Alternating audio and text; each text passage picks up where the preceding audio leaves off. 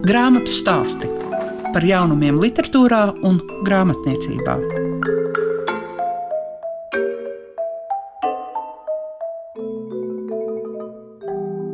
Esiet sveicināts ik viens, kas šobrīd klausās grāmatu stāstus. Tātad esat klasikā un esat kopā arī ar Liegu Piešiņu. Un šodien Raidījuma izskaņā būs par Mēra Šaleva grāmatu Balodis un Zēns, bet sarunu aizsāksim ar Kristapu un Kristīni Liepiņiem, jo viņiem ir iznākusi grāmata Pamirs manas sirds mīlestība. Alpīnisms ir viņu kaislība un mīlestība, un arī šobrīd abi atrodas Spānijā, protams, kalnos. Klausieties sarunu ar Kristapu un Kristīnu grāmatu stāsti tiem, kam grāmatu lasīšana ir vērtība. Tas, ka grāmata būs, es nojautu pirms pieciem gadiem, bet es nezināju, par ko būs grāmata. Un kurā brīdī viņa taps, vai pēc pieciem, vai pēc desmit gadiem? Pirms gada noprecizējās tā doma, ka tagad mums ir laiks piesēsties un pieķerties klāt pie rakstīšanas. Un tad mēs vienojāmies, par ko būs tā grāmata. Jo tas, ka mēs esam iepriekš runājuši, ka nu, vajadzētu varbūt to grāmatu kaut kādu uzrakstīt, un varbūt nevienu vien, vajadzētu, bet tas viss tika visu laiku atlikts un atlikts, jo nav laika pie tā pieķerties pie tādas dzīves, kāda mums bija iepriekšējos gados, jo mēs braucām 10, 12 kalnu ceļojumu gadā. Nu, tas ir tāds pamatīgs skrējiens pa pasauli, pie tam tas nav tā, ka vienos, divos kalnos, bet tas ir pa četriem, pieciem kontinentiem reizēm gadā. Un uh, to visu izbraukāt, saorganizēt ir pamatīgs darbs. Līdz ar to grāmatas rakstīšana tas vairāk asociējās ar tādu piesēšanu un vairāku mēnešu darbu tieši šajā jomā. Tam galīgi iepriekš nebija laika. Līdz ar to tas Covid laiks, kā atnāca praktiski pagājušā gada martā, tā mēs savstarpēji runājot, nonācām pie secinājuma, o, Tagad ir laiks. Bieži ieraugot kalnus, saka, ka trūkst vārdu, lai izteiktu to skaistumu. Jūs izsakāt vārdos kalnu skaistumu. Varbūt tajā brīdī, kad mēs esam kalnos, mēs nerunājam par kalnu skaistumu, bet pagājušajā gadā mēs ļoti ilgojāmies pēc kalniem un atcaucām atmiņā, cik viņi ir skaisti. Un tāpēc arī uzrakstījām, kā mēs jutāmies šeit, atceroties kalnus. Mēs tā ļoti apzināti varbūt arī nesam mēģinājuši izlikt. Tagad nu, mēs to skaistumu aprakstīsim, un visu tās sīkās detaļas tagad tiks eh, radītas. Man liekas, ka daudz kas arī no tā skaistuma joprojām ir nepasakāms un vārdos neaprakstāms. Varbūt mēs esam centušies to darīt, bet Tāpat tās tā sajūta paliek, ka daudz kas joprojām ir nepateikts, neaprakstīts, un es domāju, ka mums vēl ir daudz, daudz ko teikt šajā jomā. Tas pats Vladimirs Visotskis ir teicis, ka par kalniem skaistāki var būt tikai kalni. Kā tas ir, kad jūs atzīstat pats, ka jums mīļākā zeme ir Latvija, kur ir lielākoties līdzenumi, jums tomēr pievelk tie kalni. Jo tas jau jums ir no 12 gadu vecuma tā aizraušanās. Noteikti tas ir kas vairāk. Es teiktu, ka tas viens vārds, kas nāk prātā, ir ilgošanās, un otrs vārds, kas visvairāk raksturo šo attieksmi pret kalniem, un tas arī ir iekļauts mūsu šīs pirmās grāmatas nosaukumā, ir vārds mīlestība. Jo ir grūti iedomāties, ka kaut kas tev varētu likt vairāk ilgoties un mīlēt, kā šī sajūta, ka tu esi tālu projām un tevi vēl kaut kur tajā nezināmajā, tajā pašā laikā tu joprojām jūties piederīgs un ar saknēm šeit. Zināmā mērā varbūt var salīdzināt ar kādu augu, kurš ir ar saknēm zemē, bet viņš jau tiecās pretī gaismai, pretī saulē, pretī tām zilajām debesīm, ja, un vienlaicīgi viņš ir gan šeit, gan arī tur augšā. Pirmkārt, jums ir pietiekami reta profesija Latvijai, kas ir alpīnisma instruktori. To, vai jūs arī ar šiem cilvēkiem, kuri nāk pie jums no vienas puses pēc palīdzības, no vienas puses pēc izklaides, sevis apliecināšanas. Esat mēģinājusi izskaidrot, ka kāpēc tie cilvēki ir gatavi doties tajā, ko viņi nav pieredzējuši. Es tā reizēm smejoties saku, ka alpīnismu instruktora profesija varbūt nav tik reta kā viena otra profesija, kas ir Latvijā tomēr vēl retāk, nu, piemēram, valsts prezidents ja, vai, vai tiesības sargs vai ģenerālprokurors. Bet alpīnismu instruktori arī ir uz vienas rokas pirkstiem saskaitām šeit, jo valstī, kurā nav kalnu, tā, protams, ir ļoti dīvaina izvēle cilvēkam kļūt par alpīnismu instruktoru. Bet kas ir tas, kas velk un vilina? Es domāju, ka tā ir tā tiekšanās pēc neizzināmā, tiekšanās pēc jauniem piedzīvojumiem, pēc sevis izzināšanas, tajā skaitā ne tikai pasaules izzināšanas. Tas ir tas, kas vilina un tā būšana kalnos, tā lēmumu pieņemšana patstāvīgā, tā visa atbildība, kas ir atrodoties tur, man liekas, tā ir tāda brīvības esence, kur ir iespējams cilvēkam iegūt tikai esot šādā vai, vai varbūt līdzvērtīgā vidē, jo nav jau teikts, ka tie kalni ir vienīgā vieta. Tikpat labi var būt okeānā, vai tūkstnešos, vai Arktikā kaut kur un izbaudīt varbūt ko līdzīgu. Bet man tie kalni liekas, jā, tā ir tā viena no labākajām, skaistākajām izvēlēm, kas ir bijusi. Līdz ar to es arī pie viņas tā izmisīgi turos visus šos gadus. Vai nav tā, ka vienai daļai cilvēku, kuri ar jums dodas šajos ceļojumos, ka viņiem ir svarīgi izrādīties un pateikt, ka viņi ir kāpuši kalnos. Es neesmu novērojis ļoti, ka cilvēki, kur ar mums kāpj kalnos, pēc tam ļoti uh, sociālajos tīklos daudz uh, liktu bildes. Man liekas, visticamāk, ka mēs to vairāk darām un mēs to biežāk liekam pat sevi nekā cits cilvēks, jo nekad nevar zināt, vai tas cilvēks vēlas būt sociālajos tīklos. Tas, ka mēs liekam kāpienus savus sociālos tīklos, ir tikai loģiski, jo mums ir arī tāda misijas apziņa popularizēt kaut kādā ziņā alpīnismu, vai došanos kalnos, vai sevis meklējumus arī. Jo kāpšana kalnos tas nav tikai tāds fizisks process, to var saukt arī par tādu garīgu praksi. Tāpat kā meditēšana citiem vai citiem lūkšanas, mums tās ir došanās kalnos un iespējams arī citiem cilvēkiem tās ir kaut kāda sava veida praksa. Šī pamirs, mana mīlestības grāmata, tā ir arī pieredzes grāmata. Noteikti tā ir arī pieredzes grāmata bet tā ir arī mūsu vēlme cilvēkiem dot, ko mēs spējam šādā formātā iedot, iedot savu pieredzi, savas zināšanas, lai tas nav tādā didaktiskā formā, bet tādā liriskā formā, un cilvēks katrs izlasot šo grāmatu atradīs kaut ko, ko sev no viņas paņemt. Es nu pat izlasīju sociālajos tīklos vienu komentāru atsauksmi par mūsu šo grāmatu, ka te nu viss ir tik precīzi izdomāts un saplānots tajā grāmatā, ka tur ir par visu kaut ko, un iespējams jau tas ir iepriekš izplānots tā, un iespējams pat tas ir jau plānots un domāts par to, kā tā grāmata taps. Jau pirms tās ekspedīcijas un kāpienu, tad man tomēr jāsaka, ka nē, nebūtu tā nav. Šī ekspedīcija bija normāla mūsu viena no iepriekšējām ekspedīcijām.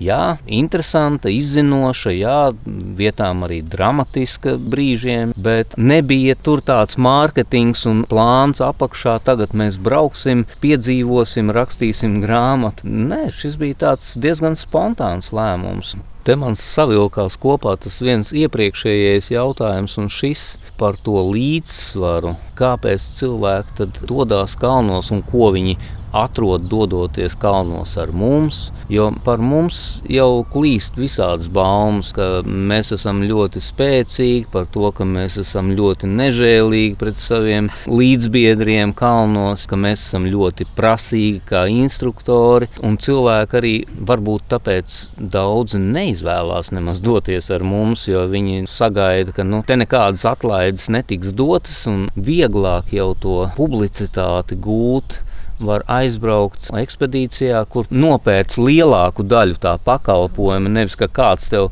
sāk mācīt, kā tad īsti kalnos ir jākāpj. Un mūsu misija, kā mēs to redzam, ir tieši mācīt cilvēkiem kāpt kalnos, nevis aizvest kādu un iesiet īsā virvītē un uzvilkt kalnā. Protams, ka reizēm nākās to darīt Bet tā jau ir tāda alpinisma gida būtība, ka viņš palīdz tam cilvēkam tikt kalnā. Bieži vien, jā, tas ir ļoti grūti, un tad nākās palīdzēt cilvēkam pavilkt viņu aiz tās īsās virvītes līdz tai virsotnē un palīdzēt viņam nokļūt lejā. Bet jautājums, vai viņš gribēs atgriezties pēc tam kalnos?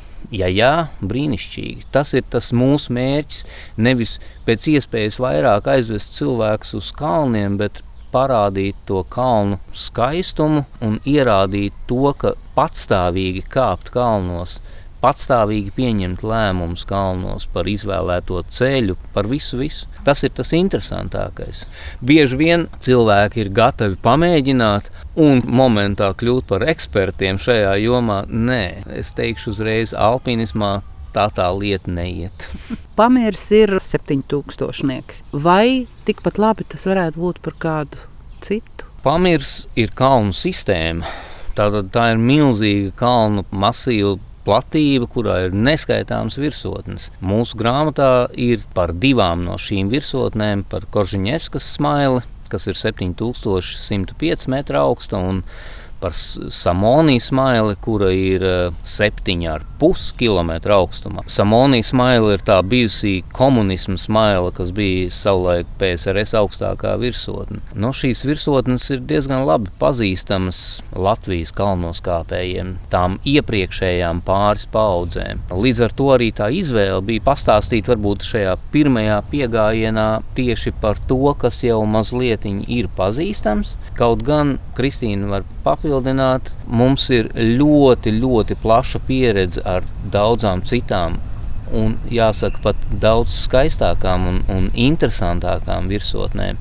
Bet to mēs atstājām tādā otrajā plānā, jo jā, nedaudz mārketinga arī. Jo nu, mums taču ir jāieinteresē lasītājs par kalniem, par alpinismu, un tad var rakstīt otro un trešo grāmatu. Tieši par šo jautājumu, vai varētu būt arī citi kalni? Jā, un es pat priecātos, ja tie būtu citi kalni, bet parasti visbiežāk mēs kāpjam tehniski sarežģītākas virsotnes nekā pamirā ja es būtu sākus rakstīt kaut ko jau tehniski sarežģītu, iespējams, cilvēks izlasītu un nesaprastu, par ko es stāstu, ko es runāju. Tāpēc sākām ar pamiru, kas ir cilvēkiem ļoti saprotams. Un tad, ja būs laiks un iedvesma, mēs varbūt ķersimies pie kaut kā mums sirdī tuvāka. Kā ir ar bailēm?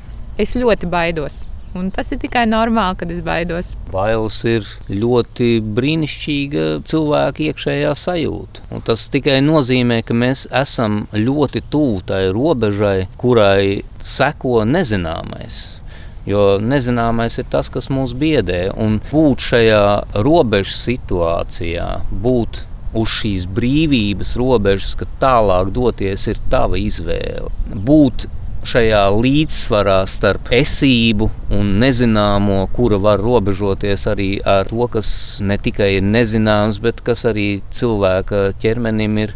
Ir galējis. Tā ir ļoti brīnišķīga prāta un ķermeņa spēle.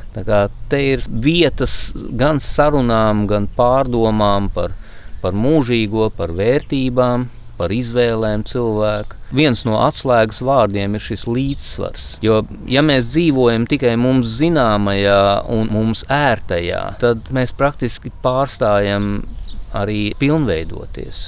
Ja mēs nedodamies vairāk šajās izziņas, nezināmajā izziņas procesā, tad mēs arī stāvam uz vietas zināmā mērā. Un, un, un kā daudzi filozofi ir teikuši iepriekš, ka stāvēšana praktiski ir līdzvērtīga nāvei. Ja? Tā kā dodieties, dodieties un, un izziniet pasauli. Kādas ir jūsu attiecības ar grāmatām, ar grāmatu lasīšanu? Mēs lasām grāmatas, un šajā gadā pat vairāk nekā citos gados bet uh, mūsu literatūras izvēle ir atšķirīga. Uh, man patīk uh, cita veida literatūra, kā Kristapam. Bet uh, mums patīk pārunāt izlasīto. Nu, bet, piemēram, kāda ir no pēdējā laikā lasītām, ko vajag, vai var, vai gribas ieteikt draugiem? Tad pēdējā laika lasītā ir ļoti uh, daudz aprunātā kalendārs, mani sauc. To mēs lasījām kopīgi. Un, uh, patiesībā viena no grāmatām, ko es vakaros Kristofam lasīju priekšā. Un par šo grāmatu arī mums ir mazliet atšķirīgs viedoklis. Man šī grāmata ļoti patika, bet Kristaps var komentēt jā, savas domas. Man jāsaka, es nu pat, nu pat noliku vienu grāmatu plauktā, bibliotekas plauktā atpakaļ. Tā bija grāmata par inkiem, jo mūsu iepriekšējās četras ekspedīcijas tādas spilgtākās ekspedīcijas iepriekšējo gadu laikā ir Dienvidamerikas iepazīšana. Tur ir ļoti daudz interesantas lietas, ko vajadzētu padomāt. Ja? Tā kā notiek tāda eh, nevis grāmatu lasīšana, kas pagadās rokā, ja, bet patiešām tā man tagad vajadzētu ceļot uz turieni, un man ir interese papildināt tās zināšanas, kā tur vēsturiski tas viss ir. Bet par to kalendārs man sauc. Interesanti. Tajā pašā laikā es teikšu, ka mans vērtējums grāmatām bieži vien ir caur to savu skatījumu. Vai es šo grāmatu lasītu vēlreiz? Nē, man pietiek ar vienu reizi. Kaut gan ir daudzas grāmatas, kuras ir plauktā, un es pie viņām atgriežos un atgriežos, un katru reizi tur var izlasīt kaut ko citu. Jā, brīnišķīgi, ka ir šādi e, autori Latvijā, kas raksta par interesanto, par netipisko. Latviešu literatūra ir, ir ļoti interesanta, bet ne visa. Grāmatu stāsti programmā Klasika. Dāvida Grossmana slavenais romāns Bārā ienāk zirgs ir izraisījis dažādu latviešu lasītāju reakciju un radījis arī pastiprinātu interesi par Izraēlas literatūru. Un tā tagad latviešu lasītājiem tiek piedāvāts Meira Šaleva romāns Balodis un Zēns, kas kļūst no divu cilvēku mīlestības stāstiem par metaforu. Un tur būtiska ir gan piederība, gan identitāte un galvenais mājas tēls. Mērs Šalevs rakstniecībai pievērsies 40 gadu vecumā, un kopš tā laika sarakstījis ne tikai daudzas augsti novērtētas bērnu grāmatas, arī reliģiska satura darbus, arī astoņus romānus, no kuriem viens saņēmis arī augstāko Izraēlas literāro apbalvojumu Brennera balvu. Mērs Šalevs tiek uzskatīts par vienu no Izraēlas veiksmīgākajiem rakstniekiem, bet ne no pazīstamākajiem ārpus savas valsts robežām. Bet viens viņa citāts jau manā sirdī ir iespiedies tā, ka es to vairāk kārt esmu atkārtojusi un par to arī daudz domājusi. Cilvēkam dzīvē nav vajadzīgs pārāk daudz, divas kalna virsotnes viena, uz kuras stāvēt, un otra, uz kuru lūkoties. Šie divu cilvēku stāsti, kas kļūst grāmatā Balodas un zēns par metaforu, ik pa brīdim liek mums apzināties un atrast to līdzību ar baložiem, kas apmācīti lidot tikai vienā virzienā, un allaž atgriežas savā mājvietā. Šis stāsts tiek izstāstīts gan rotaļīgi, gan arī valdzinoši. Šajā romānā tiek sadziedēta dvēsele. Autors ir pārliecināts, ka to ir izdarīt iespējams ikvienai dvēselei, neatkarīgi no tā, cik daudz un cik dziļi tā ir ievainota. Tomēr tas arī maina cilvēku. Maina neatgriezeniski. Grāmatā ir bezgalīgi daudz detaļu par pasta balāžu audzēšanu, mājas remontu, arī mīlestības stāsti. Mīlestības stāsti, kuri noved mūs pie pārliecības, ka stāsts, kaut arī vispirms ir par mājām, būtībā ir par dzimteni. Šeit tveramais un taustāmais līdzās netveramajam ir vienas rokas attālumā un rada to sajūtu, ka daudz kas iesakņojas gan zemē, gan arī otrā cilvēkā. Mājas piederības sajūta nenoliedzami nav iespējama arī bez savstarpējām attiecībām, un Mēra Šaleva grāmatā uzsvars tiek likts uz mātes un bērnu attiecībām. Un visu beidzot, ir arī jāpiemina vēstījuma stils, un te varam runāt par līdzībām. Līdzībām, kas saistīta ar Bībeli, kurā pateikts ir viss, kas mums jāzina, un tomēr pateikts tieši tā, ka atmiņā iespiežas ne jau morāls līmenis, bet pirmkārt dzīvie tēli. Izskan grāmatu stāsti. Šīs dienas raidījumā bija par Kristapa un Kristīnas liepiņu grāmatu Pamirs manas sirds mīlestība un Mēra Šaleva balodis un zēns. Visu labu jums saka Liega Piešiņa. Grāmatu stāsti par jaunumiem literatūrā un grāmatniecībā ik trešdien, 9.5. ar atkārtojumu Svētdien, 18.15.